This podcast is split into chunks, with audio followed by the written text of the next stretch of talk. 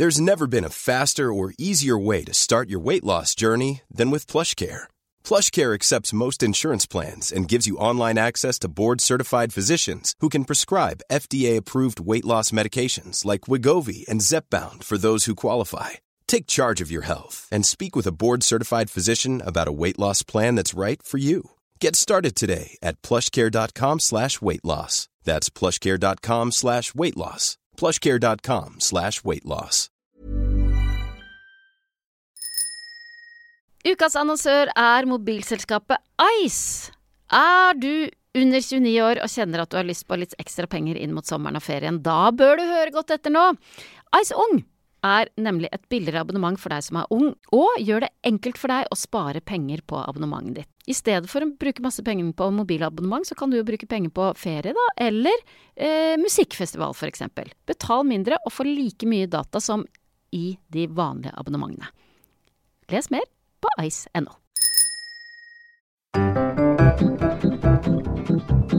Hei, jeg heter Solveig Kloppen, og velkommen til Min barneoppdragelse. En podkastserie der jeg inviterer forskjellige gjester og snakker om deres oppdragelse. Jeg er eh, nysgjerrig på hva folk setter pris på ved egen oppvekst, hva de ønsker å videreføre til sine egne barn, og hva de absolutt ikke vil ta med seg.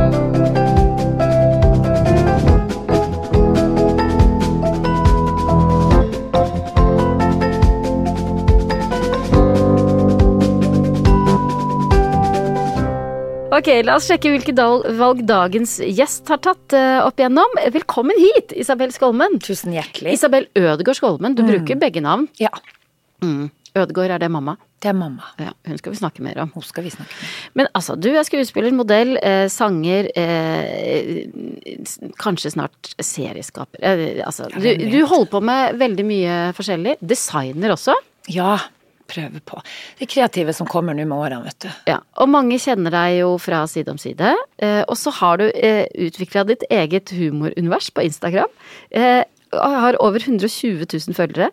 Uh, og der, det er altså så gøy med uh, fantastisk innblikk i livet ditt, og med dans og telefonsamtaler til din fiktive venninne Bodil. Mm. Fins Bodil i virkeligheten?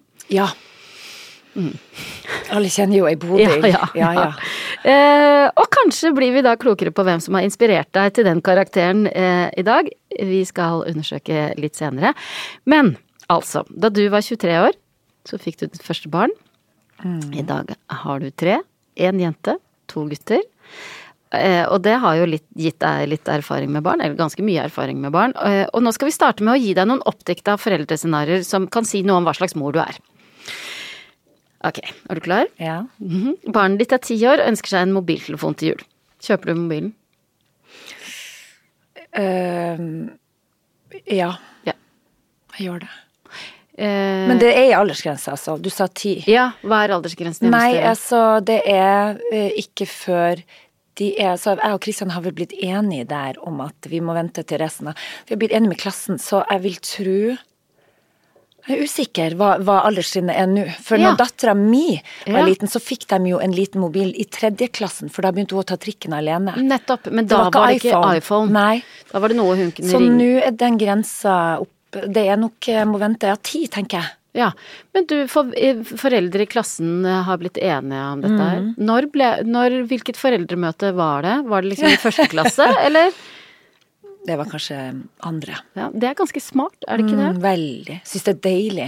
Fordi at eh, det er jo med en gang den ene har, så skal jo ah, de andre òg ha. Og det er så deilig, så deilig bare å bli enige om at du, vi gjør det sammen. Mm. Og kanskje bli enige også før det er aktuelt. Mm. Altså, Og har alle klart å holde, holde seg? Ja. Ja. De har jo de klokken. Ja. Den har de fått. Ja. Og da kan de bare ringe oss, men ikke i skoletida. Nei. Og det er betryggende for meg òg, egentlig, for nå har jeg en nøtteallergiker i familien. Hvem så det er viktig. hvem det er minstemann. Minstemann er nøtteallergiker. Arva far sin. da. Ja, ikke sant. Arva av far sin. Ikke meg, jeg bruker å si det. Det kommer fra Skolmen-slekta. Men men, eh, og hvor alvorlig er den nøtteallergien? Det er såpass alvorlig at vi må jo ringe eh, en lege da med en gang. Men, eh, men eh, enn så lenge så har vi ikke trengt epipenna stukket den i. Han For får den går andre- han med i sekken. Den ligger på skolen. vil det si Er du engstelig? Han er heldigvis så bevisst på det sjøl, og spør alltid en ekstra gang, selv om alle, alle, rundt oss vet jo om det her, men det kan fort skje en liten uh, feiltagelse i en eller annen bursdag at det er noe nøtter i. Han tåler spor av nøtter, Nettopp. så det er ikke den, den verste okay. varianten. Det er ikke sånn at når dere flyr, så må Nei, dere si ifra? Nei, heldigvis Mm. ikke. Okay. Ja, det hadde vært eh, grusomt å ha det sånn, altså. Herre min. Ok, det er bra. Ok, barnet ditt er 16 og ønsker å reise på, reise på utveksling til Brasil. Ja. Hva sier du da? Åh, det er bedt om å Ja, så der er jeg jo litt sånn eh, eh, Ja, kom deg ut og opplev. Men 16 syns jeg er for tidlig. Jeg syns det. Jeg hadde Hvorfor? sagt vent noen år, vær så snill, har Ja. jeg sagt. Fordi at nå er barna dine Bianca er 23, og så har dere er Gustav blitt 24, faktisk. 24, og så har dere Gustav og Fredrik på 8 og 14, ikke sant? Ja. Så du har jo liksom eh, eh, ganske De er spredt i alder. Eh, men eh, Bianca eh, Har hun hatt en veldig annen oppdragelse enn eh, de to minste? Jeg tror det. Hvordan da? Nei, jeg var vel faktisk ganske mye roligere Med henne? med henne, ja. Jeg var jo bare 23 da jeg fikk henne, Ja, så så det da var visste du ikke sånn bedre, på en måte? Visste ikke. De der bekymringene hadde ikke helt satt seg inn i Så jeg var litt mer sånn eh, lugn. Vil det Ikke- si at hun kanskje som 16-åring hadde fått lov til å reise til Å Å nei, nei. Jeg var streng. Ja. Jeg, jeg ble jo Fikk jo en del av eh, min egen oppvekst inn i eh, blodet her, som eh, ja, for du eh, vokste opp eh, med mammaen din. enebarn. Al enebarn. Uh, alenemamma. Mm. Ganske streng mor. Ja, du blir det da når du er alenemamma, så må man vel sette grensen litt eh, Det er Det er litt tightere, liksom? Litt tightere. Så jeg føler jo at hun var mer streng enn det hun trengte å være da. Ja. Jeg tenkte ofte herregud, hvorfor det Jeg måtte alltid hjem tidligere enn alle andre og syntes det var så urettferdig. Og sa liksom at alle de andre får lov å være ute lengre, og det sa hun det. Ja, men nå er det jeg som er mor di, og det eh, Men så skjønner man jo hvorfor nå. Ok, barnet ditt er fem år, og noen foreldre i barnehagen anklager barnet ditt for å slå. Hvordan Oi. reagerer du, og hva gjør du? Ja, da ville jeg tatt og prata med den ungen min. Mm. Jeg er vel egentlig den første til å se eh, mine barn. Jeg sitter ikke og forsvarer ungen min. Da ville jeg bare ha gått inn i dybden og gjort en research på hva har skjedd her. For det å ha selvinnsikt på egne barn syns jeg er så viktig, for det motsatte det er altså så usjarmerende. Så man må alltid sondere terrenget litt først, før man går inn og sier at mine unger hadde aldri gjort det. Men Det kan, du da, men kan du da oppleve at dine barn eh, tenker 'mamma forsvarer meg aldri'? Ja, det kan de. Faktisk. Og det er jo ikke bra. Det er tvega sverd, det der. Mm. Jeg har kjent litt på det, òg, at jeg bare Uff, hvorfor, hvorfor går jeg så hardt ut når det gjelder Ja. mine egne? Ja, hvorfor gjør du det? Jeg vet ikke. Det må jo komme fra et sted her, ifra noe gammelt. Jeg vet ikke. At det det er litt, eh, det er litt Jeg har tenkt på det, at hvorfor, hvorfor i alle dager er det sånn at jeg blir så veldig opptatt av at mine barn ikke skal Ja. eh, gjøre noe. Ja, ja. Kanskje det kommer litt utover. Jeg skal tenke litt på mm. Eh, ok, barnet ditt er 18 og ønsker å reise til Tyrkia for å operere puppene sine. Hva gjør du? Ja, det hadde blitt et nei. Men hun er jo 18. Ja, da hadde jeg altså eh, kommet med Det hadde blitt ei lekse. Og så hadde jeg vel satt meg på et fly og for i lag med. Og lagd et sånt helvete. Ja, og når du sier det på den måten, så tror jeg veldig på deg. Ja, skal jeg love deg at det hadde Hvordan høres eh, starten på den leksa ut? Nei, jeg har sagt um, Er du ho? Som, altså, nei, jeg, jeg bare vet ikke. Og så hadde jeg sikkert kanskje blitt litt sånn mm, em, upedagogisk eh, et lite øyeblikk i ordforrådet der først. Kunne sagt 'er du dum'? Som vi jo ofte sier i nord. Dere Den kommer er litt unna meg. Kristian sier sånn, du kan ikke kalle et menneske dum. Nei, men vi mener det ikke på samme måte. Vi er fra Nord-Norge, det er bare liksom et lite begrep. Ordforrådet vårt. Men det hadde jeg nok sagt. Men det er gøy å starte, eh, starte kjeft med 'er du ho'? Er du ho? Og for den kjenner jeg. Mm. Altså, hvis noen hadde sagt det til meg 'er du henne'? Mm, det blir au. Au. Nei, eh, det vil jeg kanskje ikke være, nei. Nei. Når du sier det på den måten. Det kan hende at det av og til holder å si det. Men jeg vet ikke om det er riktig måte å, eh, å si det på, for du vet at eh, det kan komme hardt ut ifra en nordlending. Noen ganger litt sånn eh, Det er så mye følelser, og det kommer fort ut i litt sånn eh, setninger som kanskje ikke høres helt um, riktig ut. Men um, det kommer fra et godt sted, og jeg ville aldri ha Altså, det hadde bare vært så trist hvis dat dattera mi Ja, for hvorfor skal ikke en 18-åring dra til Tyrkia og operere Nei, men da er du misfornøyd med den du er, og, og det er jo bare Det er jo ikke noe Jeg syns jo ikke det er noe særlig hyggelig. Hvis du går rundt og er misfornøyd og har lyst til å endre på, på kroppen din eller utseendet ditt eller Altså, jeg syns bare det er tragisk. Også så ung. Mm. Hva ville du gjort for, for eller med den 18-åringen da, hvis, hvis det viste seg at det var hennes største ønske? Ja, da hadde jeg vel prøvd å få prata en del ganger med henne. Kanskje overtalt henne til å ikke gjøre det. Men det temperament Eller jeg vet ikke, er du temperamentsfull? Man innbiller ja. seg at alle nordlendinger er det, men Det kommer nok litt sånn Jeg er ikke, går ikke rundt og er sint og kjefter på folk, men jeg er jo litt sånn som kan reagere brått på sånne rare ting. Hvis jeg mister noe i gulvet, så kan jeg si 'helvete'! helvete! Veldig rart. Og da kan Kristian skvette til og bare Hva Ja, er det, hva er det, hva er det? Din mann Kristian Skolmen, skuespilleren, han er en en ganske sånn lung type. Veldig. Stort sett hvilepuls. Veldig. Mm. Hvordan har det Hvordan eh, for- Takk Gud for det. Ja, for tenker, hvordan er dynamikken i, i, i hjemmet og i forholdet da? Den er veldig fin. Ja. Det blir jo en, en, faktisk en veldig god balanse. Nettopp derfor.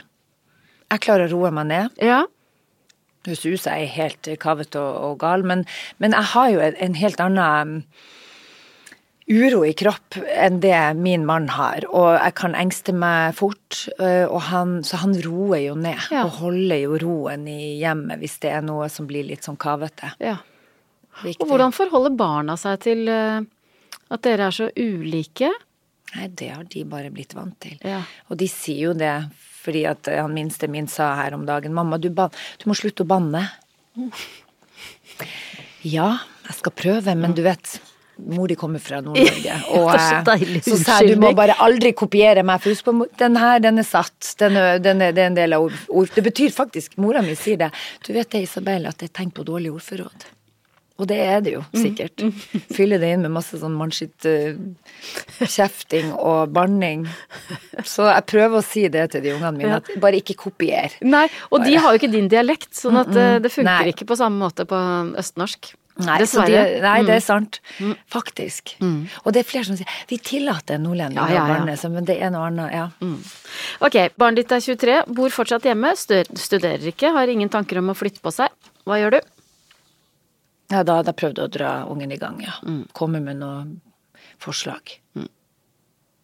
Ikke sant. Noe alternativ. For liksom Skulle jeg tatt Romerike?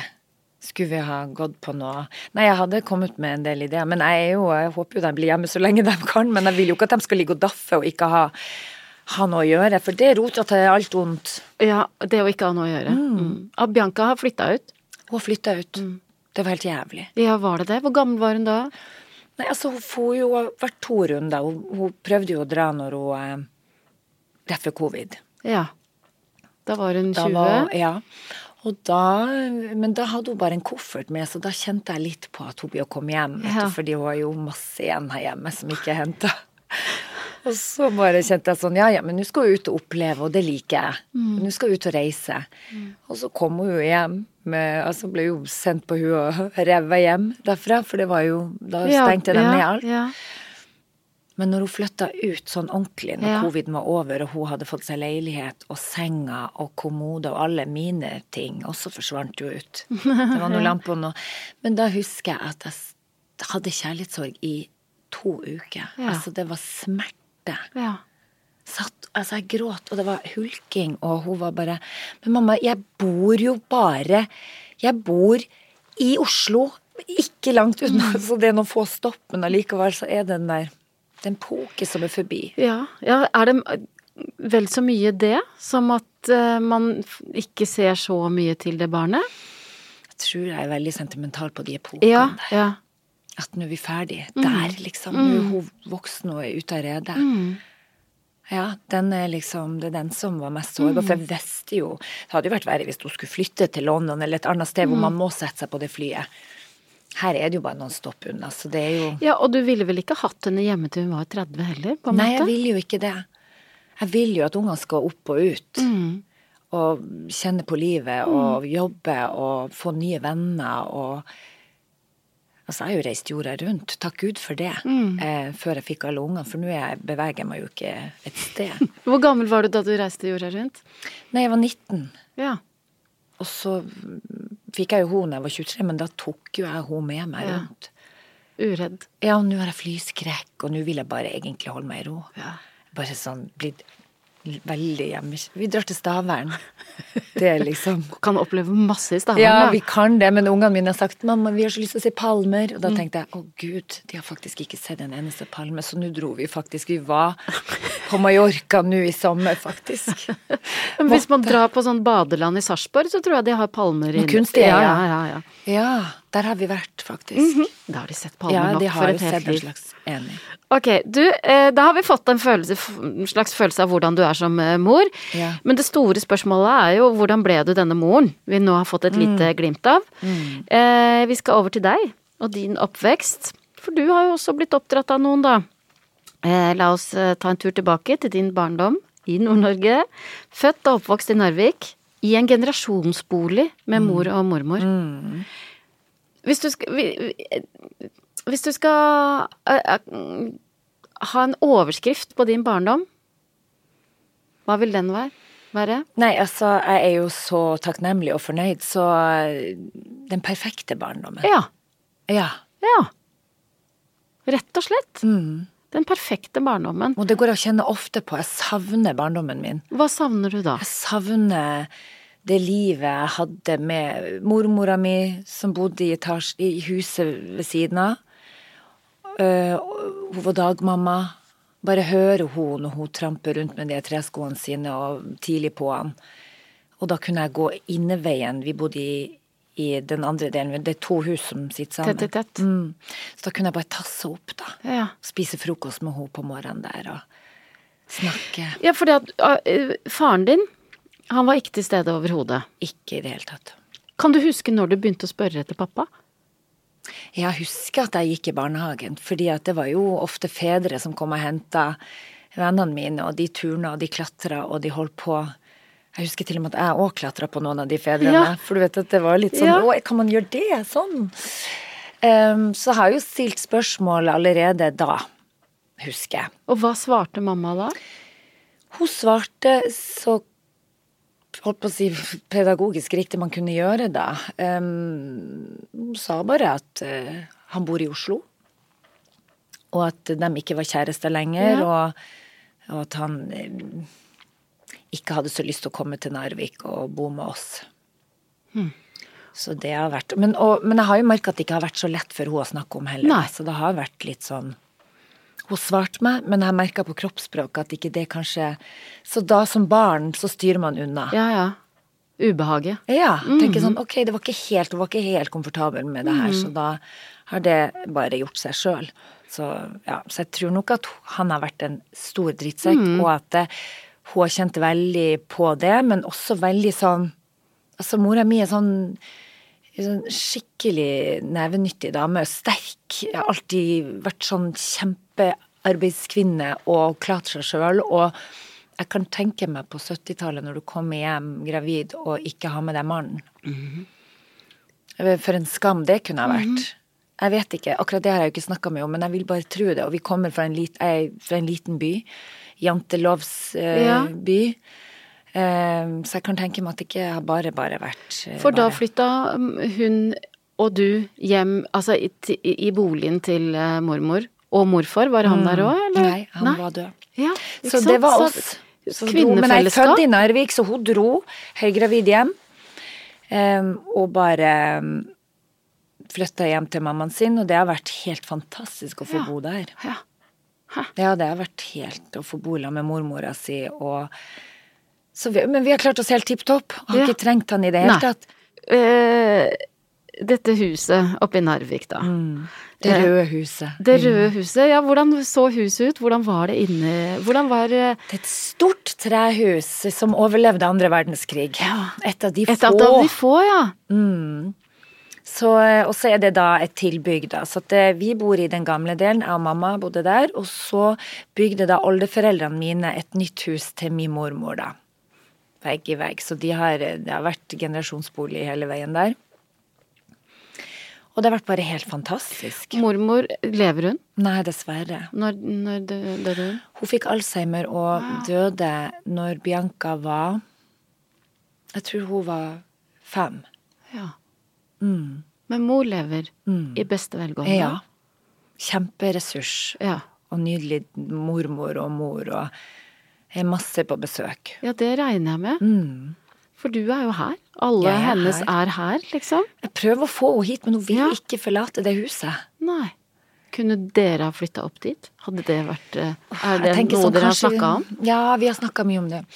Eh, kanskje Nei, kanskje når jeg Men det må bli når jeg er eldre, altså. Jeg, jeg klarer ikke å forstå hva jeg skal, hva jeg skal gjøre der Nei. med min kreative Nei. Det er noe med det. Nei. Ja. Mm. Ok, men eh, tilbake til dette huset da du var barn. Eh, du hadde eh, Moren din var ganske streng. Eh, streng på innetider. Hva, hvilke andre regler hadde hun? Nei, det var ikke så mye mer enn Det var de innetidene der. Når jeg begynte å fly ute. Flakse ute? Og så var hun veldig sånn Jeg vet ikke, hun hadde vel øye for hvem som ikke var noe særlig å henge med. Og, Ja. Men allikevel, hun var jo godt likt. Hun kjente absolutt alle. Altså, hun starta å jobbe i barnehage, så hun kjente jo alle de ungene der.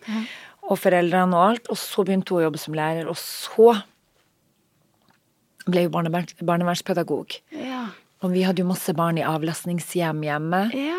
Så det har liksom Jeg vært enebarn, men ikke allikevel. Ja. Det var masse barn der likevel. Masse barn. Ut og inn, og Hvordan var det? I, både og. For det var jo mange man ble veldig glad i, som måtte dra igjen. Ja. Så det husker jeg kunne være vanskelig. Så måtte jeg jo lære å dele på ting Ja. og tang. Ja. Og så måtte jeg også akseptere at noen var mer utagerende enn vanlig, eller meg sjøl.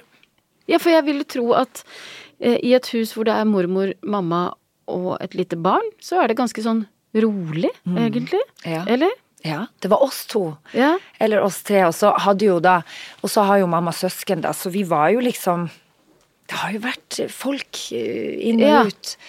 Um, men det var stilt rundt det kjøkkenbordet. Det var meg og mamma. Hæ. Og det kan være derfor, for jeg er jo ekstremt sosial. Ja.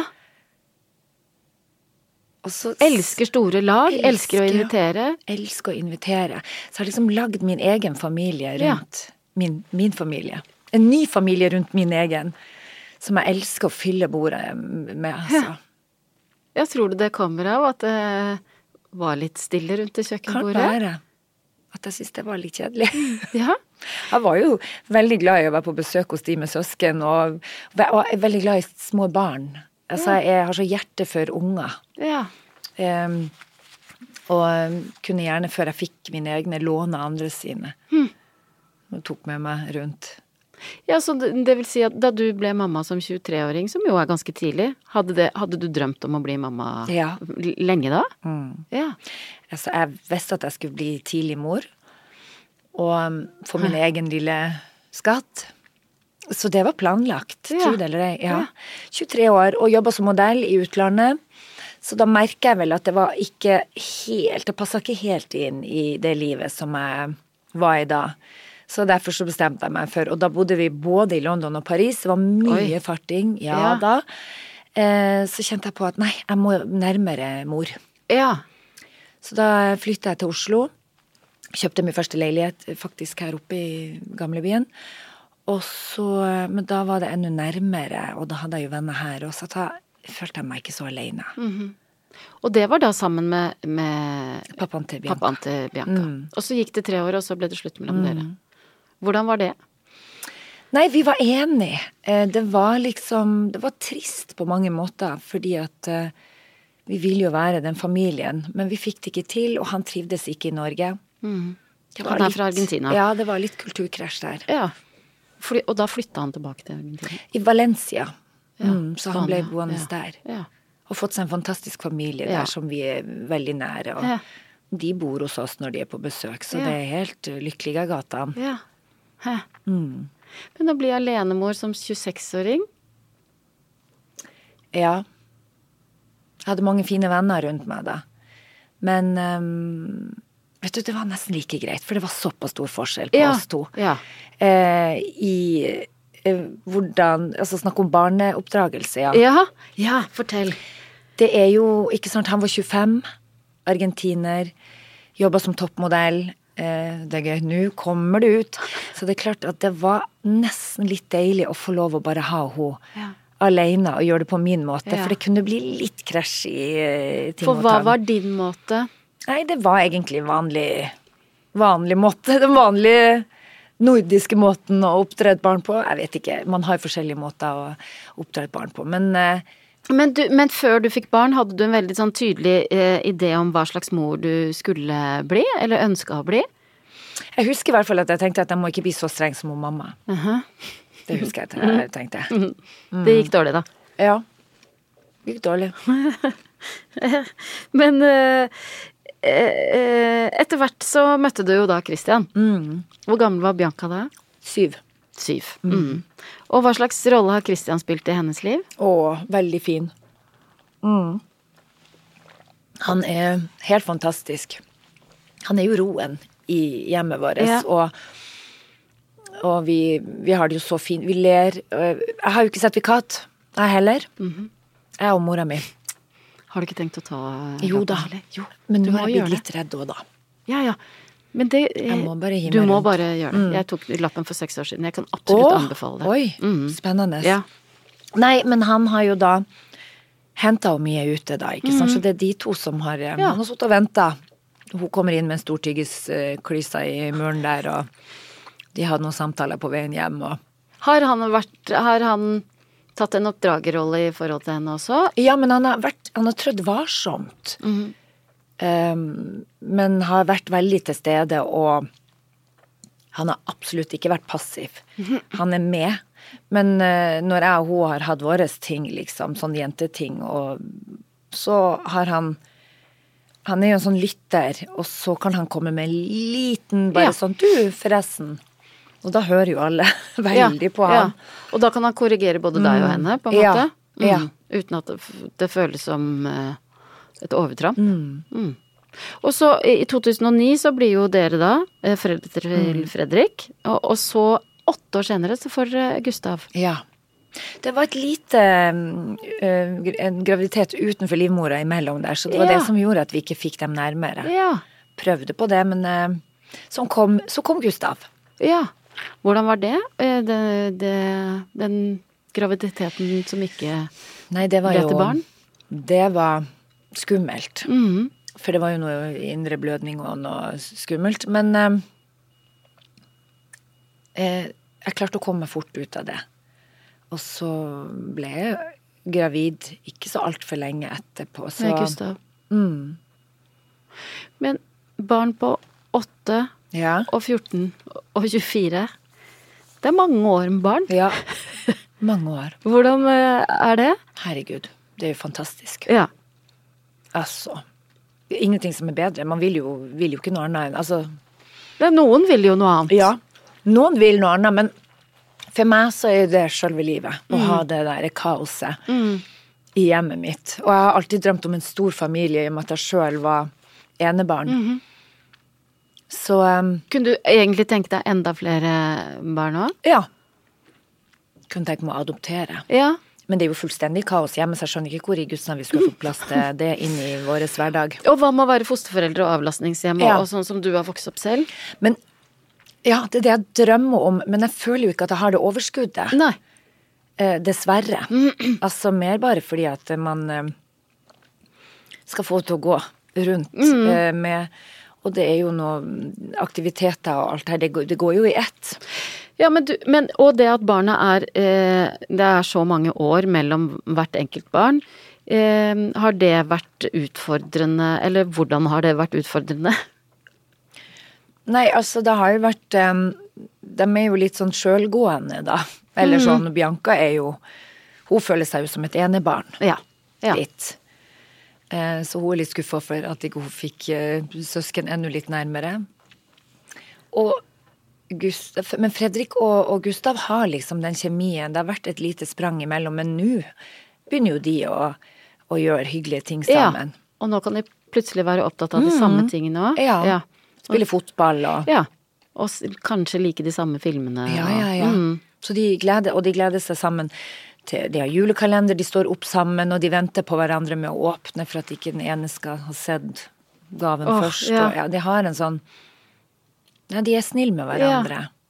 Litt, Ja, litt det- slåssing òg, for guds Ja, skyld. ja, ja. Det er rørende å se, er det ikke det? Veldig. Mm. Altså, nå hørtes det ut som de var bare han i han og gikk rundt og Men nei. Altså, for det, det Men det er bare, jeg syns det er deilig å se at de er snille med hverandre og ja, har et sånt søskenbånd, da. Ok, eh, nå skal vi eh, grave enda litt dypere i hva slags valg mm, dere har tatt eh, i løpet av disse årene mens barna var små. Eh, for eksempel, har du vært en mamma som har lekt mye med barna dine? Ja. Når de var små. Mindre enn det de er nå. Mhm. akkurat, det er akkurat så at jeg bare Men jeg er vel Ja, lekt. Eh, jo, jeg føler det. Hva har dere lekt da? Nei, men jeg er jo litt sånn som fjaser, da, og kan kle meg ut og tulle og tøyse og gjøre sånne ting. Og, og jeg liker jo å rigge til og sette dem i gang. Eh, Lage en kiosk, eller altså at eh, Sånn som nå til jul, så har jeg jo lagd et julehus. Ja, Med masse lys, og da, så, så, så det fikk de i kalenderen eh, for noen år siden da, at de kjøpte et tomt trehus på Ikea, og så har jeg innreda det med småting som de får i gaven, og setter inn sjøl. Inni et lekehus som står inne i stua? Mhm. Hvor stort er det huset? Jeg skal vise deg bildet etterpå. Det er liksom så høyt, så bredt. Og så har jeg tatt og lagd tapetsert dem altså vi har, Eller de har vært med å lage det sjøl, dem. Oi. Så fikk de liksom eh, litt sånne ting i, i gaven, altså de har satt inn sjøl. Så nå er det sånn 1. desember, Det er en slags krybbe, liksom. Ja. Bare at det er et hus. Ja, og det er huset til nissen. Ja, så du har liksom eh, alle lekene, og så har du noe reinsdyr og noe Så sitter og ser inn i det magiske. Oi. Og det har jeg fra min mamma, som hadde gjort noe lignende når jeg var liten. Bare at da var det ei trærot Ja, det hadde vi òg. som var plassert på spisebordet. Og der var det noen Med nisser og- ja, og nisser. kongler og- ja. Og det var så enkelt som det. Men det var Jeg husker jeg satt og drømte meg så veldig Ja. vekk. Inni i den rota. Ja. Er ikke det helt magisk? Jo. Og det syns jeg er så viktig, og jeg har så lyst til at mine unger skal kjenne på det samme. Så nå før jul så er jeg jo helt utslitt av meg sjøl. Fordi at jeg, jeg kaver så mye. For at jeg bare sånn, å herregud. Å gud, så så jeg julekule som minner om det og mor hadde på sitt juletre, og det må jeg ha. For det må inn i nostalgiens eget rike. Ja. Så jeg, jeg, jeg jobber hardt for at de skal få inn min barndom inn i sin. Men du, med dette at du er så tøysete og fjasete og liker så godt å både kle deg ut og, og, og eh, sketsje, liksom. Mm. Eh, hvordan forholder to unge gutter seg til det? Nei, de syns jo det er gøy. De, Ja, de er jo er like gøy. fjasete sjøl. Ja. Vi fjaser mye, hele gjengen, og ler masse, og de har god timing og humor. Og de blir ikke flau? Nei! Det, det, det, min eldste sønn blir flau av, Ja. Ja. er jo at jeg har vært med i Side om side, og, og, og at Å, noen kjenner meg igjen der. ja. Ikke så mye når jeg fjaser og tuller. Nei, hvorfor er det flaut? Veldig rart. Vet, han er ikke så glad i oppmerksomhet sjøl. Altså, han, hadde dere- ikke lyst til, han ville ikke feire bursdagen sin, for han er dritflau. Å få den type type Å få den type, Å herregud, Ja. og hvis noen har kjøpt han en gave, han må Ja. åpne mens andre ser på. Det er en uting, faktisk. Krise. Men, ja. Skjønner du den der eh, å skal sitte og åpne ja, ja, den? Ja, men den det helt... kan jeg kjenne på selv òg. Ja. Nei, så han Han er den eh, typen der, liksom veldig privat gutt. Så, Ja. ehm, så jeg får helst ikke komme og se så særlig mye på de fotballkampene heller. Nei.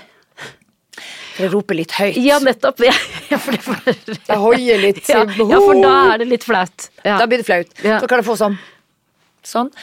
Men eh, det er gøy at han ikke For han er ikke flau når jeg sitter Vi var på kino i går, og da kan vi tulle litt, og da var det en fyr som sto bak en sånn søyle som, som jobba der, for vi var så Willy Wonka, og så var det noen premiere. Og så sitt, er det en scenearbeid, eller scenearbeider, så er en som jobba der, som sto hele tida og skulle sjekke at alt var i gang. Og da um, kan jeg si sånn Se her, nå er det en som har sneket seg inn. Der står han. Men uh, Eller tror du han Og så lager jeg en historie rundt det, og da blir jeg Jeg syns han det er så gøy. Og så kan han finne på noe, han Ikke sant, for da er det dere to som Da holder har på å vi funnet på en sånn fjasehistorie. Mens hvis du da eh, eh, hadde tatt på deg en parykk og snubla rundt Mm. i kiosken der Jo, da kan han eh, Men allikevel så liker han det litt. Han hadde nok blitt flau, men han, det er noe, han hadde nok fått seg en god latter. Ja. Og det samme med Mo, og Bianca òg, som er så heldig å få lov å være med. Som vil ha meg med ut i bursdag, Ja. og jeg får lov å henge med henne og venninnen sånn. Det syns jeg er det, er det største komplimentet. Ja. Ikke det at jeg trenger meg på, jeg drar ikke på Ivy Mm. på de her ungdomsklubbene, men, men at de vil ha meg med, Ja. i, det syns jeg er så gøy. Men da kan jeg òg bli litt sånn fjasete innimellom og synes det er litt gøy, og da er det artig å se at hun ler med meg istedenfor å sitte og himle med øynene. At vi har liksom en sånn Ja, vi er på nett. ja, så deilig. Ja, det er deilig. Men og når du legger ut eh, ting på Instagram, det tar de med knusende ro. Ja. Mm. Stakkars, bortsett fra han mannen min, da. Ja, men det ser ut som han tar det med Ja, ganske knusende ro òg. Han tar det med ganske knusende ro.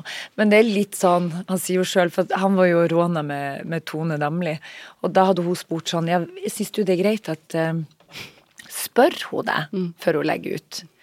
Og da hadde hun klippet til at jeg hadde sagt jeg spør alltid. Hver gang. Ville aldri ha lagt ut uten å spørre. Men det er en sannhet med modifikasjon. Et par ganger har jeg gjort det. Har jeg glemt å si fra at Ja. du, du lå og sov mens jeg Men never mind.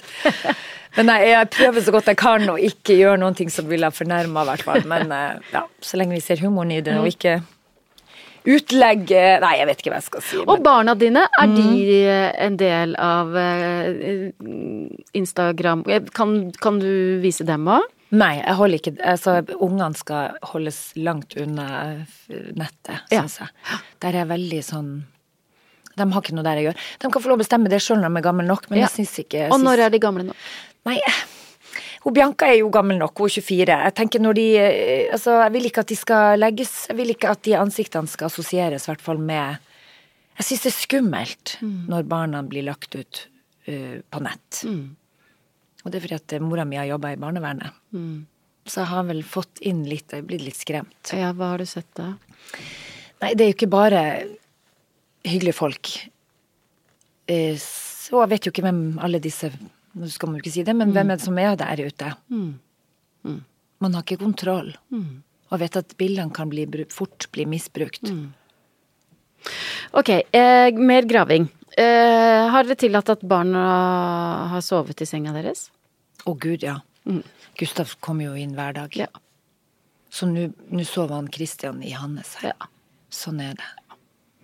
Eh, Jeg sov i senga til jeg Jeg tror jeg sov i seng, uh, samme seng som mamma til jeg var Gud, det høres helt jævlig ut, men uh, 15 Altså, jeg var jo 12 når jeg slutta sånn ordentlig, men så var det noe litt kos å tasse over der når Ja. jeg var sånn 15-16 Syns du det høres helt jævlig ut? Jeg syns det høres utrolig trygt og fint ut. Ja, det er veldig koselig. Bare tasse over der og Få den varmen og høre Mm. den pusten, liksom. Ja. Eh, TV-tid Ja. og skjermtid. Hvordan er det? Er det noen regler? Er det Å ikke gud, vi snakker om det Ja. Altså, Kristian snakker om det hele tida. Nå må vi bli flinkere. Jeg syns det er så jæklig vanskelig. Men det vi har lagt merke til, er jo at med en gang vi drar opp en kortstokk eller monopol em, Og det har vi begynt å gjøre oftere når vi også har besøk av andre barn, og da er de, holder de det gående. Og den telefonen, den blir så glemt. Det er bare Så- at det krever litt ekstra Det krever litt ekstra, men eh, fordi at de er ikke så gode til å gjøre det alene. Der skulle jeg ønske at de to brødrene hadde satt seg til og bare Det kan de gjøre. Men nei, de må gjerne ha noen andre Mm, unger først, eller at vi drar dem i gang. Men Gustav hadde ei venninne på besøk som alltid har med seg en kortstokk i, I lomma? i lomma. Ja. Så hun for i helga så lærte hun Gustav å legge kabal. ja. Det er bra triks. Litt sånn matematikk og Ja, og utstyre barna Og med en kort Og Alltid ha en kortstokk i ja, lomma. Og det hadde hun med seg i sommer òg, og var besøkt oss i Stavern. Og da var det sånn, satt vi ute og spiste pizza, og det var sol, og så plutselig, nei, så ble det en kortrunde på hele gjengen. Ja. Ja, det var Så veldig, enkelt. veldig Ja. enkelt Ja. og lurt. Så er man lære seg noen trylletriks etter hvert? Ja, ja, og sånn, yatzy kan man òg. Det er plass Ja. i veska. Ja. Det er gøy med sånn jakke, jakke med masse, Masse småspill. Ok, og hva med spising? Har dere fellesmiddager? Ja, hver dag. Ja. Mm. Og hvis det er noe sånn fotball, eh, sånn, så er det jo noen ganger at noen må spise før de andre og sånn, og da blir det litt opp eh, Men eh, da blir det oppsplitta, men, men som regel sammen, ja. Hvem lager mat? Christian. Ja. Men jeg er veldig glad i frokosten. Ja. Den, det, så, det er det beste måltidet på dagen, er den første kaffen. Mhm. Og den der tenne det lyset, fyre i peisen og bare sitte og vente til de der små småtassene mm. kommer opp med litt sånn bustete hår. Og så koke et egg, kanskje riste litt brød der sånn. Åh, jeg synes er så, Starten på dagen er. Enig. så Helt enig. Står du opp uh, først hver morgen? Mm. Nei, Kristian Kristian er jo uh, I helgen står jeg alltid opp først, men jeg er, vi står opp tidlig begge to. Men det har blitt litt sånn at han er den som kommer seg først opp. Jeg er våken, men da ligger jeg og bare leser litt aviser mens jeg hører at han Får setter på kaffe? kaffe. Ja, sett på kaffen, da. Fantastisk. Ok. Um, hva, hvordan er det med organisert eh, fritid? Har det vært viktig for deg at barna går på en aktivitet? Veldig. Ja. Hvorfor? Nei, men altså, det er jo, husker jeg mamma sa alltid det at uh, det å ikke ha noe å gjøre er jo rota til alt ondt. Og det er veldig viktig for ungdommen og barn å være altså på lagsport, for eksempel. Altså være med andre barn og jeg syns det er så viktig. Holde seg i gang. Ikke ligge hjemme med den der Instagrammen, eller sitte og spille og game hele Og holdt du på med en aktivitet da du Jeg dansa klassisk ballett og Ja. spilte piano. Nettopp. Ja. Mm. Prøvde meg litt på noe håndball, og det var jo ikke Mora mi var dritgod i håndball, men hos meg var det altså så mye armer og bein. Jeg tror, da tror jeg hun satt sånn og tenkte at jeg var tonedøv. Det er nesten som Det er han derre Ja, det er han, Han- han, han- er derre kjipe faren min, har arva det etter. Men du, og hvilke aktiviteter er det barna dine har gått på? Fotball. Fotball. Og Gustav eh, spiller også tennis. Ja. Ikke noe musikk? Nei, men de har veldig godt gehør, så jeg er veldig opptatt av det derre Og vi har piano. Og to musikalske foreldre? Ja, så jeg tror det at eh, vi må bare Jeg har veldig lyst til at de skal begynne med noen pianotimer. For vi har piano hjemme, og jeg vet begge de to er veldig sånn som sitter og øver på ting jeg oh, ja. lærer dem. Alene og klunker til. Så vi må følge opp det. Ja, Dytte dem lite grann? Lite grann Mm. forsiktig Mm. inn der. Mm. Hiring for your small business? If you're not looking for professionals on LinkedIn, you're looking in the wrong place. That's like looking for your car keys in a fish tank. LinkedIn helps you hire professionals you can't find anywhere else, even those who aren't actively searching for a new job but might be open to the perfect role. In a given month, over 70% of LinkedIn users don't even visit other leading job sites. So start looking in the right place. With LinkedIn, you can hire professionals like a professional. Post your free job on linkedin.com/people slash people today.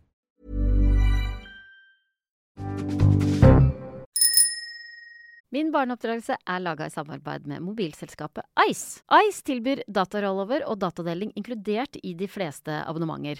Og med datarollover så blir ubrukt data med over til neste måned. Kostnadsfritt.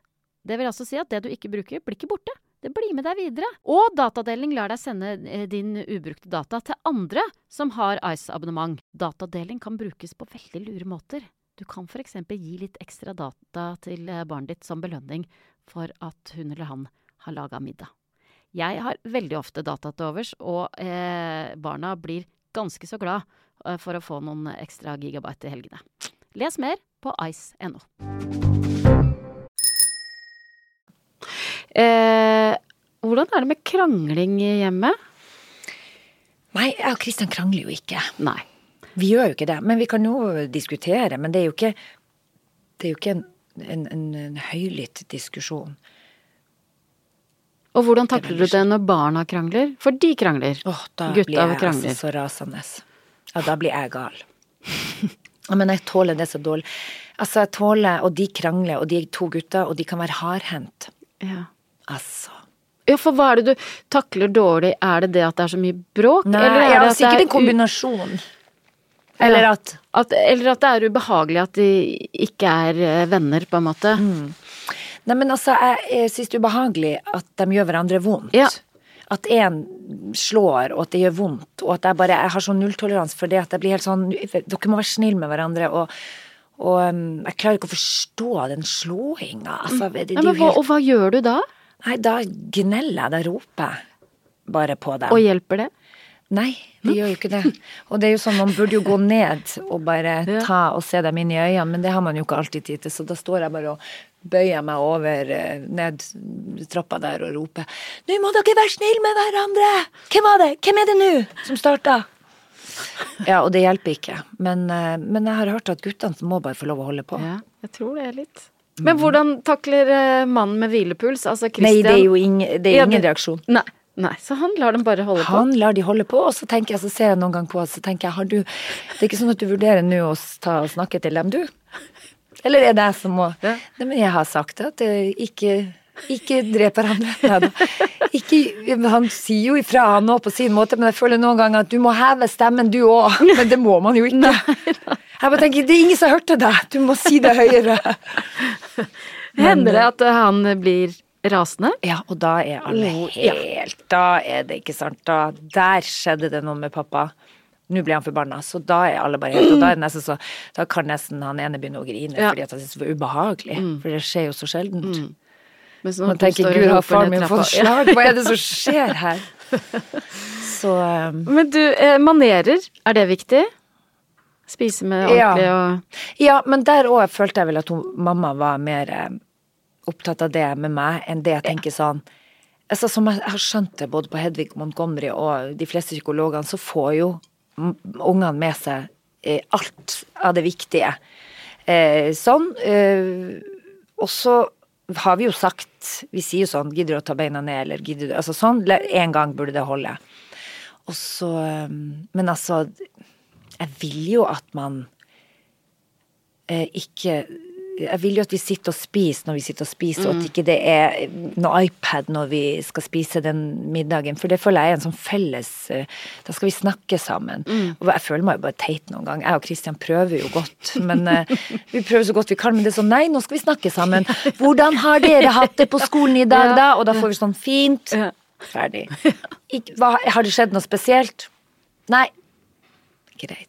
stille. Og du da, Kristian, skulle tatt kanskje Har du vært og dubba i dag, eller hva er, er det var noe mer utdypende? For det er jo ikke, det er jo ikke alltid. Ja, nei, det er ikke alltid man klarer å Nei, være en italiensk nei. familie, liksom. nei, nei. Mm. Nei, og Eller det er- familien Stoltenberg, som jeg ser for meg hadde sånne oh. Ok, Um, hva gjør du når eh, Eller kan du bruke trusler? Ja, Ja. har, har jeg gjort. Ja, hva, hva hvilke? Nei, jeg var jo så, såpass sint et år at jeg sa da blir det ikke jul. Ble det jul? Å, absolutt. Herregud, jula, det blir alltid jul. Nei, den var dum. Da måtte jeg si unnskyld. Det var helt ute å si.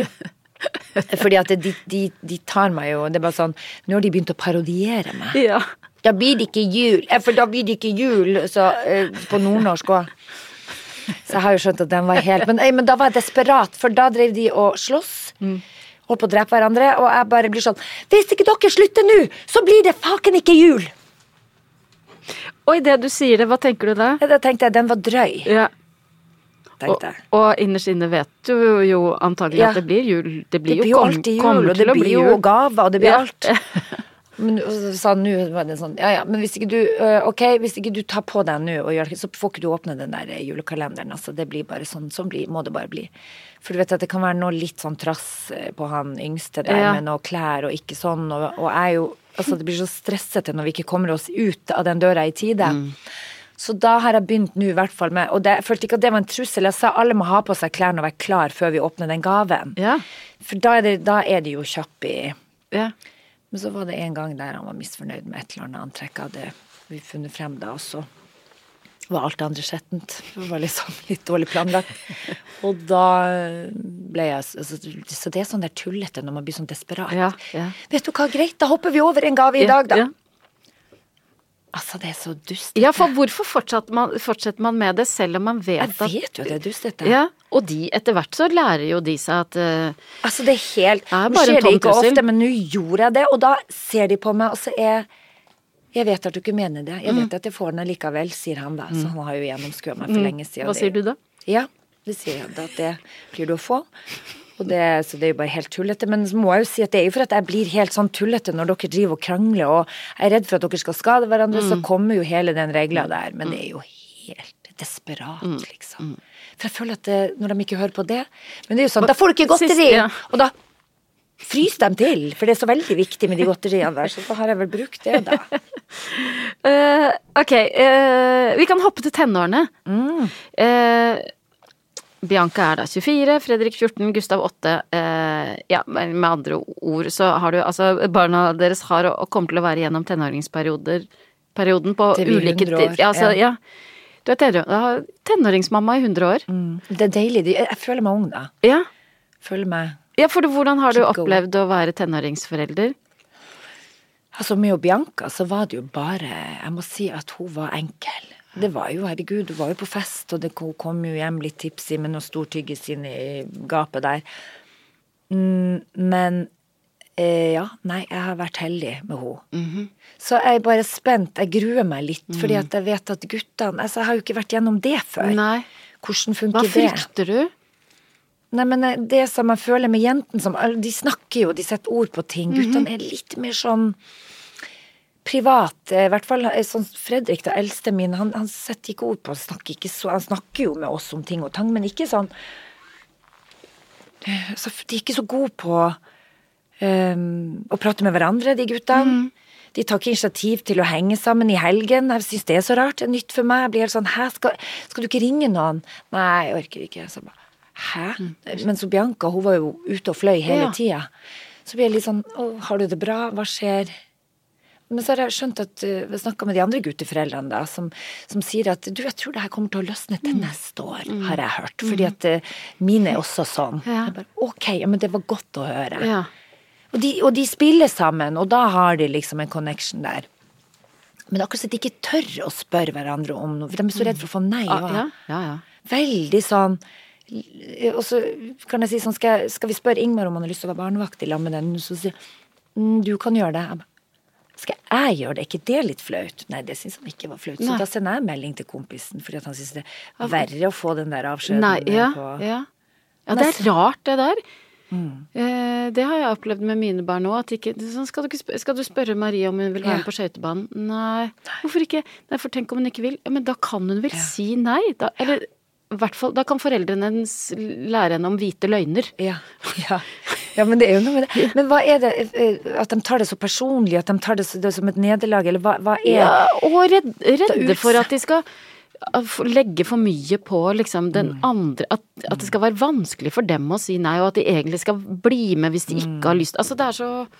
Ja, det er veldig rart. Det er veldig De kompliserer det hele, tror jeg. Det er, Mm, Veldig. Og så vet jeg at han syns det er så veldig Ja. koselig Ja. med besøk. Og jeg foreslår og skulle vi hatt flere her nå vi kan sette opp vi har kjøpt, eh, Under coviden kjøpte vi et bordtennisbord. Vi kan sette opp det, og så kan, liksom, kan vi lage noe god pizza. Nei, det går fint. Det går fint, var det det spørsmålet Hva, Altså, skal vi ikke Nei, så da Og det blir jo litt ensomt i helgen, og så men så er han heldigvis så trener han tre ganger Ja. i uka. Og det er jo Fotballen er jo. Ja, Ja. den er viktig. Mm. Og det er nettopp det jeg òg tenker. Det er derfor det også er så viktig. Når de er i den der sårbare alderen, og det, så har de det der lille nettverket der òg i fritida, da. Nei, men, eh, Men har du noen gode triks for nettopp det der å åpne de opp de, eh, åpne de gutta opp litt? Mm, Hvordan skal man snakke med en gutt på 14 år? Mm. Men man må jo bare være flink til å stille spørsmål, men så er det jo viktig å ikke være for gnellrete og masete. Man må være litt sånn kul, og så må man ufarliggjøre det, tenker jeg. Stille spørsmål, la det bare ligge litt sånn enkelt eh, der. Eh, opp, sånn at ikke det blir noe sånn For jeg kan jo merke med en gang hvis jeg sier sånn 'Har du det bra?' Eh, Og hvordan er det i skolegården? Er du Og da er det jo helt Da blir det bare Hva er det du spør meg om? Selvfølgelig har jeg det inn i noe forsvar med en gang. Mens eh, man kan jo si at det er veldig viktig at hvis du ser noen Det er jeg veldig opptatt av. Å inkludere. Jeg er jo et kjempemobbeoffer fra da jeg var liten. Hadde det veldig tøft på skolen. Ja. Oh, Og derfor så er det ekstremt viktig for meg Ja. å se folk inkludere. Nettopp. Kan det være at det kommer eh, derfra? Det at du er så opptatt av at dine barn skal eh, eh, bare oppføre seg? Være greie mot andre? For fortell, hvor, eh, hvor gammel var du da Nei, det begynte vel på barneskolen. Hvem Fikk vi en ny jente i klassen. Ja, hva skjedde? Nei, da endra det hele seg. Hun var veldig mye høyere enn meg og mm, sterkere, holdt jeg på å si. Jeg, var, jeg har jo aldri vært noe sånn eh, jeg har egentlig bare, jeg har bare vært snill, men det kom ei som bare var ordentlig stygg med meg, og så eh, drev hun jo og eh, veksla mellom meg og ei anna ei, da, så det var sånn av og på om Ja. jeg fikk gå sammen med henne til og fra skolen, og vi var naboer, så vi var jo venninne noen gang, men så var det hele tida litt sånn Det var dagsformen hennes, da. Og så begynte det, og så var det flere gutter da som, eh, som begynte å Som hang seg på? Som hang seg på, og så kalte meg for stygge ting, og jeg var tynn, og jeg var stygg, og jeg hadde mellomrom mellom tennene, og det var mye sånne ting. Ja. Og så fortsatte det jo på um, ungdomsskolen, da. Men um, Ja. og så hadde jeg heldigvis dansa jeg ballett, og det gjorde ingen i klassen min. Ja, Så så der hadde et fristed? Der hadde jeg et fristed, og ei veldig god venninne, da. Men, men det du forteller nå, er egentlig at du, du ble liksom mobba gjennom hele barneskolen og del, deler av ungdomsskolen. Ja. Ja. For det, hva, gjør, hva har det gjort med deg? Nei, det har gjort at jeg har jo da en ambulansehatt på meg når det gjelder andre, og det, det er jo null impulskontroll. Altså, jeg kan se et menneske på andre sida av gata, og da er det, altså hvis det er noen som står og er kjip der, blander meg inn. Så Kristian er jo bare sånn, skal vi la den ligge? Han ser situasjonen, han vet at jeg kan bare altså, Og spesielt når det er unger. Men jeg sånn, skal rettferdiggjøre og inn og rydde opp Ja. og så det har jo vært et Det er jo ikke alltid det er positivt, da, for det kan jo være litt sånn Kanskje jeg ikke skulle ha blanda meg inn her, men eh, jeg er opptatt av at folk skal være snille med hverandre. Og jeg har jo hatt en drøm om å kunne ha foredrag på barneskolen. Ja. Fordi at jeg har vært med side om side, og det har vært mange som har sett på Ja. av barn. Hvor jeg tenker at ok, tenk om jeg bare drar inn der og forteller rett og slett om hvor jævlig kjipt jeg hadde det på barneskolen og ungdomsskolen, og hvor viktig det er å være snill med hverandre. ja. Hvorfor gjør du ikke det? Jo, mm, kanskje man gjør det. Jeg må bare få hjelp til å skrive. Ja. Men det tenker jeg sånn det hadde, Da hadde jeg følt at jeg hadde gjort noe veldig riktig Ja. og viktig. Ja. Fordi at jeg vet om mange som ikke har det bra på skolen, og det er jo Altså, det knuser hjertet mitt. Ja. Jeg kjenner det så veldig ja. på Altså, det er jo Man har jo kjent det på kroppen. Det er sår som Så- aldri gror ordentlig, egentlig. Mm, veldig. Og det har jo forma meg. Ja. Så det er jo interessant, det der Ja. med Og da er det ikke så rart igjen, da, at uh, du er opptatt av at dine barn skal være greie mot andre. Veldig grei med andre. Og da er det jo Men så er det jo klart man skal sette grenser for seg sjøl, og man skal Men jeg har vært opptatt av å se, rundt det i skolegården. Er det noen som står alene? Veldig fint å inkludere. Og um, nå når um, Ukraina og den krigen der um, Det kom jo en del flyktninger hit, og vi tok oss av en, en familie fra Ukraina, da. Ei mor med fem barn. Og da um, så fikk vi hun um, ene dattera inn i klassen til min sønn, og hun var jo veldig alene Ja. i begynnelsen, da, Ja. så da var det jo veldig sånn nå må vi få hun inn i Og jeg syns det så Det var noe veldig fint med at Jeg tenker for hele klassen. Mm. At dette skjedde ikke altså, Men at de fikk inn det her nye medlemmet. Som jeg, jeg mener de tok veldig godt vare på, da. Ja. Og jeg tenker jo at det er viktig Når det gjelder det her med å snakke med de eh, barna, så er det i hvert fall å stille forsiktige spørsmål og prøve å Men de kan fort trekke seg hvis du greier for hardt og, og de blir litt sånn sky på det. Så Har du noe spesielt tidspunkt på døgnet hvor det er lettere å nå inn enn andre? hos oss er det på ettermiddag. Ja. Hvor det For litt... da er han litt mer pratesalig. Ja. Av en eller annen grunn. Helst når han skal legge seg. ja. Mm. Da skal han prate mye. Da er det mye som kommer. Det er interessant. Er ikke det fint? Da er det litt eh, myke og Ja, ja, ja. Og har lyst til å utsette den sovinga, da. Ja, ja, ja. Veldig Mm. lyst til å utsette sovinga. Men, også jeg, men jeg er så takknemlig for at jeg har jo en 15-åring som jeg Nei, en 14-åring som jeg fremdeles får lov å kose masse med. Mm. Får lov å kysse og klemme på. Så jeg bare tviholder jo på det Mm. ennå, da. For det er jo fort så ser du han begynte å få litt bart. Og det er jo plutselig en sånn liten ung mann Mm. der i Nei, det er så, så sårbar periode. Den derre Mm. puberteten, den er, den er ikke lett. Nei, midt mellom alt og Ah. kroppen. Det er helt eh, Ja. Så man må jo bare ha øynene og ørene åpne, og så Men du, og er dere sånn, har dere hatt den store samtalen om sex, eksempel? Nei, vi har ikke kommet dit ennå. Skal dere ta den? Den må vi ta, ja. Mm. Tok du den med Bianca?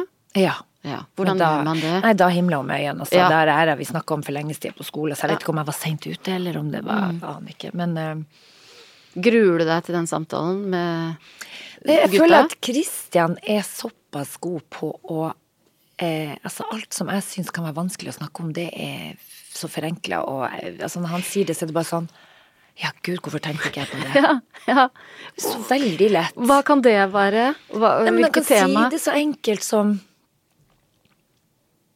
eh, Nei, men altså, tenker sånn hvis du snakker om kondom og alt sånt, Mm. Han bare sier det på så enkel, ufarlig måte som de Ok, han kan bli flau, men allikevel så blir han ikke så brydd av det Nei, heller. jeg skjønner. Mens du pakker det inn mer, Hvis jeg pakker det litt litt inn og, og bruker for lang tid til å komme ja, på ja, poenget jeg skjønner. Og så har de skjønt det for lenge siden, og så blir det bare kleint, da. Jeg husker jeg begynte med den derre det var ei bok jeg hadde tenkt å Jeg sa til Bianca, jeg husker vi sto på trikkeholdeplassen og skulle opp på skole, og så sier jeg sånn Bianca, du vet at det her er sånn bok jeg tenkte jeg skulle lese til deg, som blomster og bi, eller sånn, det er litt om sånn, hvordan man får barn og sånn. Og bare Ei bok? Skal vi lese ei bok? Men kan du ikke bare si det? Det er bare Og så sa hun jo guttetiss inn i jentetiss, altså sånn enkelt, så jeg bare Gud, var det så enkelt? Mm. Greit, da dropper vi den boka, men det var så veldig så lett, se der, og det Så nei, noen ganger så er jo det enkle ofte det beste, så Ja. den er grei. Og hvordan snakker dere med barna om penger? Å gud, ja der er vi, vi prater jo mye om det, altså. Jeg er veldig opptatt av at eh, Men ikke sant, der er vi ikke så Vi er ikke så gode til å For de kan jo ønske seg litt som, litt som dyre ting, Mhm. ikke sant, PlayStation og sånne ting. Men da er jeg litt sånn ok, da har vi spleisa med jo mormor, Ja, ja. da må jeg liksom si at dette er veldig dyrt. Nå har vi gått sammen, og det her er sånn som du vet, det er i årslønn for mange. Nei. Men eh, så er jeg veldig opptatt av at de skal skjønne um, men du vet at den vipsen Jeg får sånn derre vips Det er Vipps-krav døgnet rundt. hele tida. Skal i kantina, kan Hva tror du? 36 kroner. Her blir det en bank. Ja, ja. Og, de, og de må jo skjønne at hvor kommer de pengene? Det er ikke sånn at det er dritpenger. Nei, du må jo jobbe deg opp, og det er jo, det, det er jo andre ting vi skal betale her òg, så vi må, må vi snakke litt om det. Og så har vi en prat på kammerset om det, og Kristian er veldig sånn eh, eh, Han prøver liksom, men der kan han bli litt for grundig igjen. Da blir de, hvordan da? Nei, da kjeder begynner han å snakke om når han var eh, Og der, når, jeg, eh, når jeg var ung og var sånn, så blir han litt sånn gammelmodig, føler jeg. Og da snorker jo de på sidelinja her. Da tenker jeg der skulle du ha vært litt kjappere på med det, der, eh, Kom til poenget litt kjappere, for nå har vi mista dem. For lenge siden.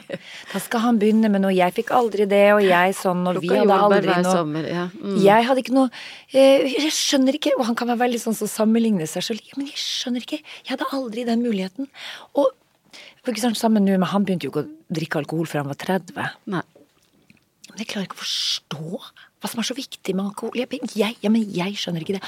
Og vi har hatt langbord med voksne folk som drakk alkohol og sånn.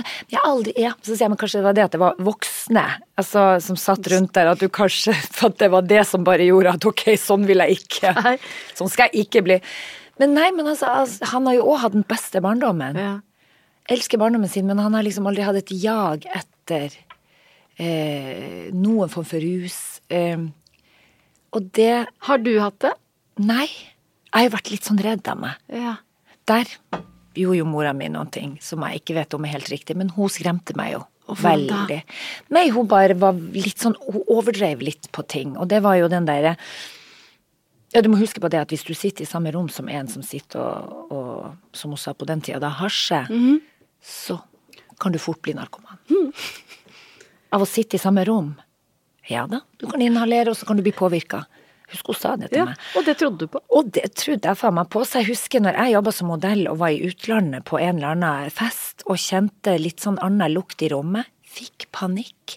Jeg husker det var noe jævla skyskraper. Jeg måtte ta, jeg kom meg ut og sto Ja. i heisen og hyperventilerte og Ja. følte at nå har jeg inhalert. Nå. Nå har jeg fått i meg noen ting som kan gjøre at jeg ja, ender opp som narkoman. Men tenker du at det var bra, eller eh, at det ødela noe? Eh, nei, vet du hva.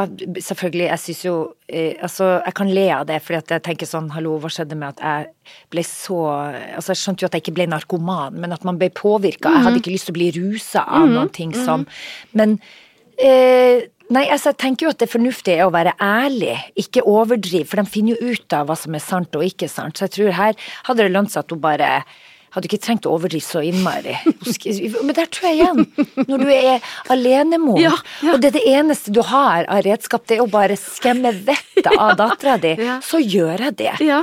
Ja. Ikke sant? Så jeg tror det har vært en enkle Og hvilke samtaler har dere om rus og alkohol hjemme hos dere nå? For med en 14-åring så vet man at Ja, altså han har jo sett eh, rusa folk, og han har også sett, han ser, har sett hvordan det kan gå, og han er, er redd. Ja. Eh, Så jeg tenker at enn så lenge så er han engstelig for det, og vil ikke assosiere seg, vil ikke bli sånn. Nei. Og, Og når du noe- sier han har sett rusa folk, er Ja, det da fordi at han han, har, ikke- han vil sittet ved middagsbordet med, på voksenfest, liksom? Eller Eh, ute Ja, men ikke blant s- Mer bare at han kan se påvirke Altså narkomaner og se de her eh, Og vi har sett på Hva heter han? Ola Uteligger? Petter? Ja. Ola Uteligger, hva faen er det? Ja, han det kunne hatt, eh, Han Ola. kunne hett Ola. Ja. Nei, Knut Petter han Uteligger. Knut Uteligger. Vi har sett på Petter Uteligger, som er så jækla fin. Han har jeg møtt, faktisk. Ja. Og han gjør en god jobb, Ja. altså. Og bruker tida si på å passe på disse sårbare, fine Og han er så raus òg at han, om Han han, blir kalt, kalt Ola eller Knut eller Petter, det Nei, det spiller ingen ikke, ingen rolle. spiller ingen rolle. Eh, men vi har sett eh, på det programmet hans, og det er jo liksom Ja, jeg tror Jeg bare ser jo at de ungene mine har jo ikke lyst til å, å ha det sånn som de. Så Mhm. man skjønner jo at det går bare én vei hvis du begynner å ruse deg. Og Jo, men én ting er eh, narkotika, men hva med alkohol? Alkohol. Eh, ja, der må vi jo bare også være ærlige og si at eh, Og der har vi jo forskjellige Altså, vi har jo venner som, som tenker forskjellig. Der er det noen som tenker at det er bedre å gi hjemme. Mhm. Men den syns jeg er vrien.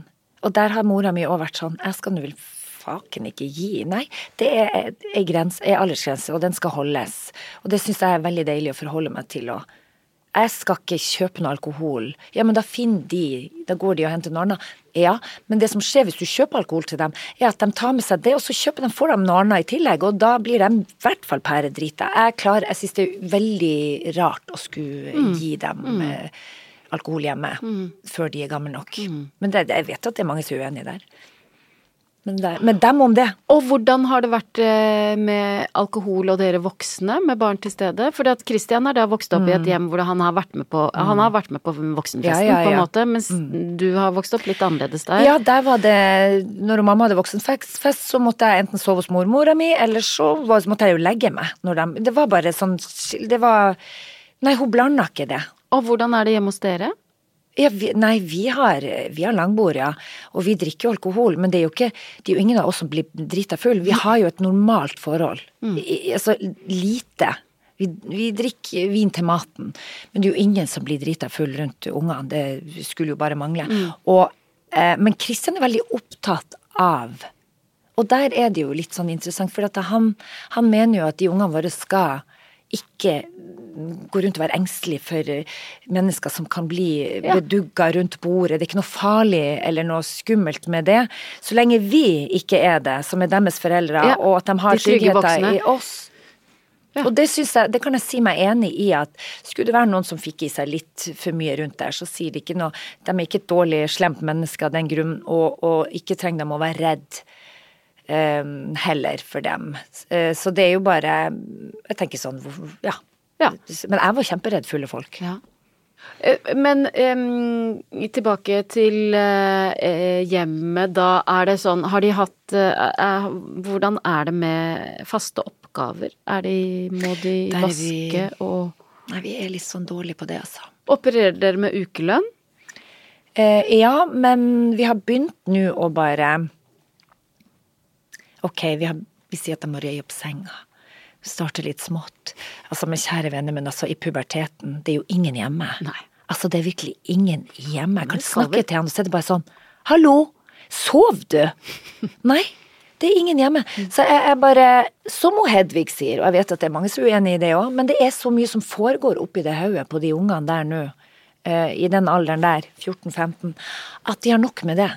Så at eh, de kommer seg ut den døra på skolen, og på den treninga som er så viktig, så skal jeg være kok fornøyd. Mm. Og da lager du jul? Da blir det jul. Da blir det jul. Da, da blir det jul.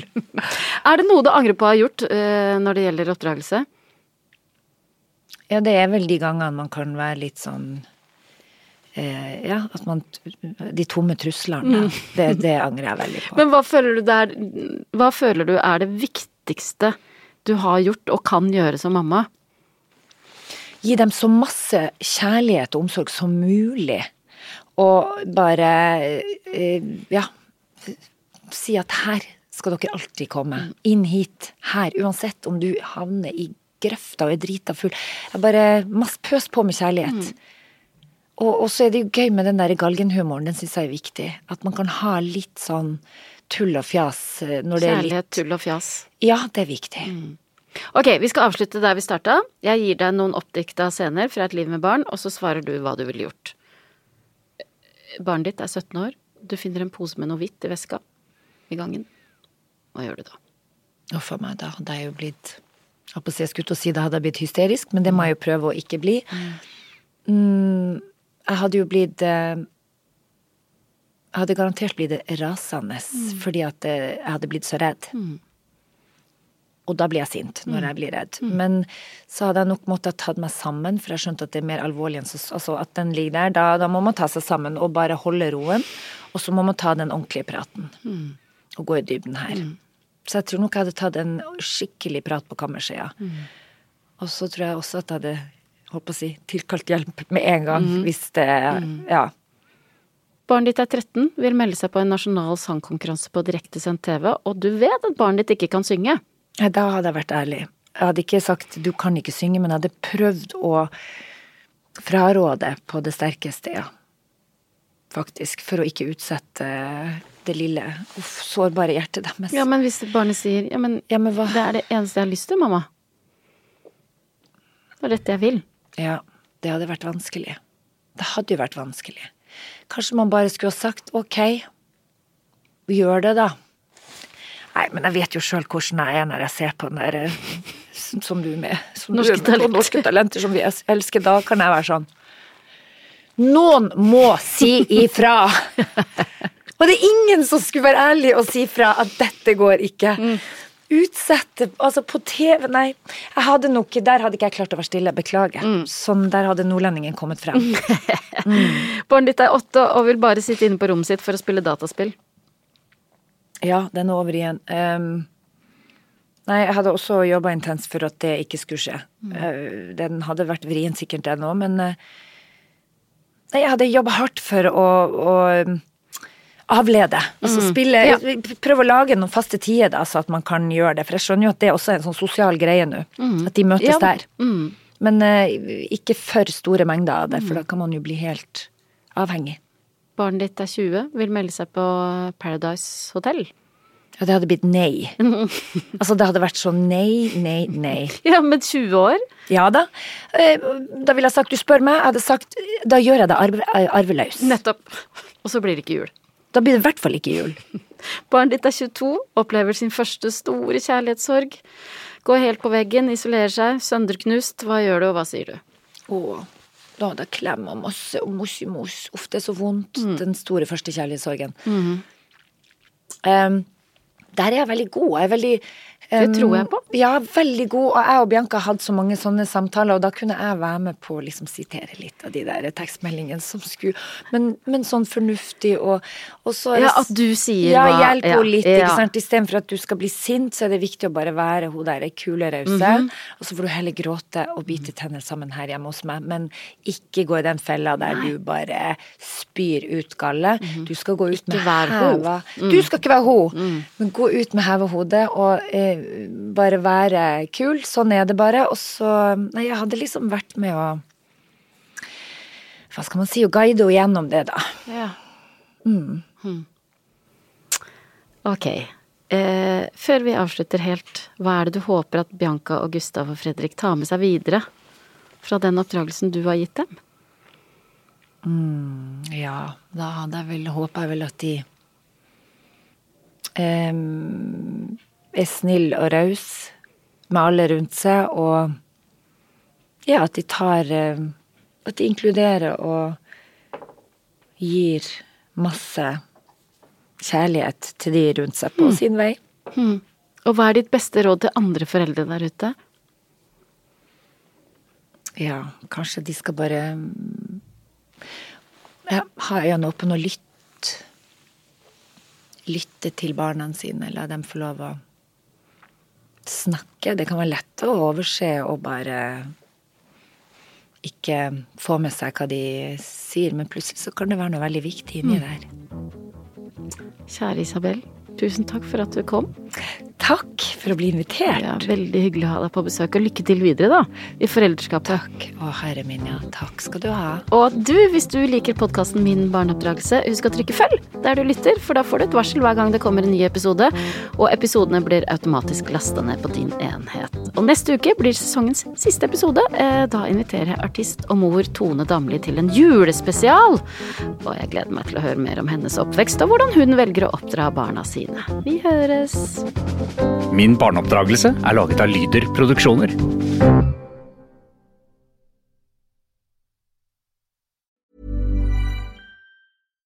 Hi, I'm Daniel, founder of Pretty Litter. Cats and cat owners deserve better than any old fashioned litter. That's why I teamed up with scientists and veterinarians to create Pretty Litter. Its innovative crystal formula has superior odor control and weighs up to 80% less than clay litter. Pretty Litter even monitors health by changing colors to help detect early signs of potential illness. It's the world's smartest kitty litter. Go to prettylitter.com and use code ACAST for 20% off your first order and a free cat toy. Terms and conditions apply. See site for details.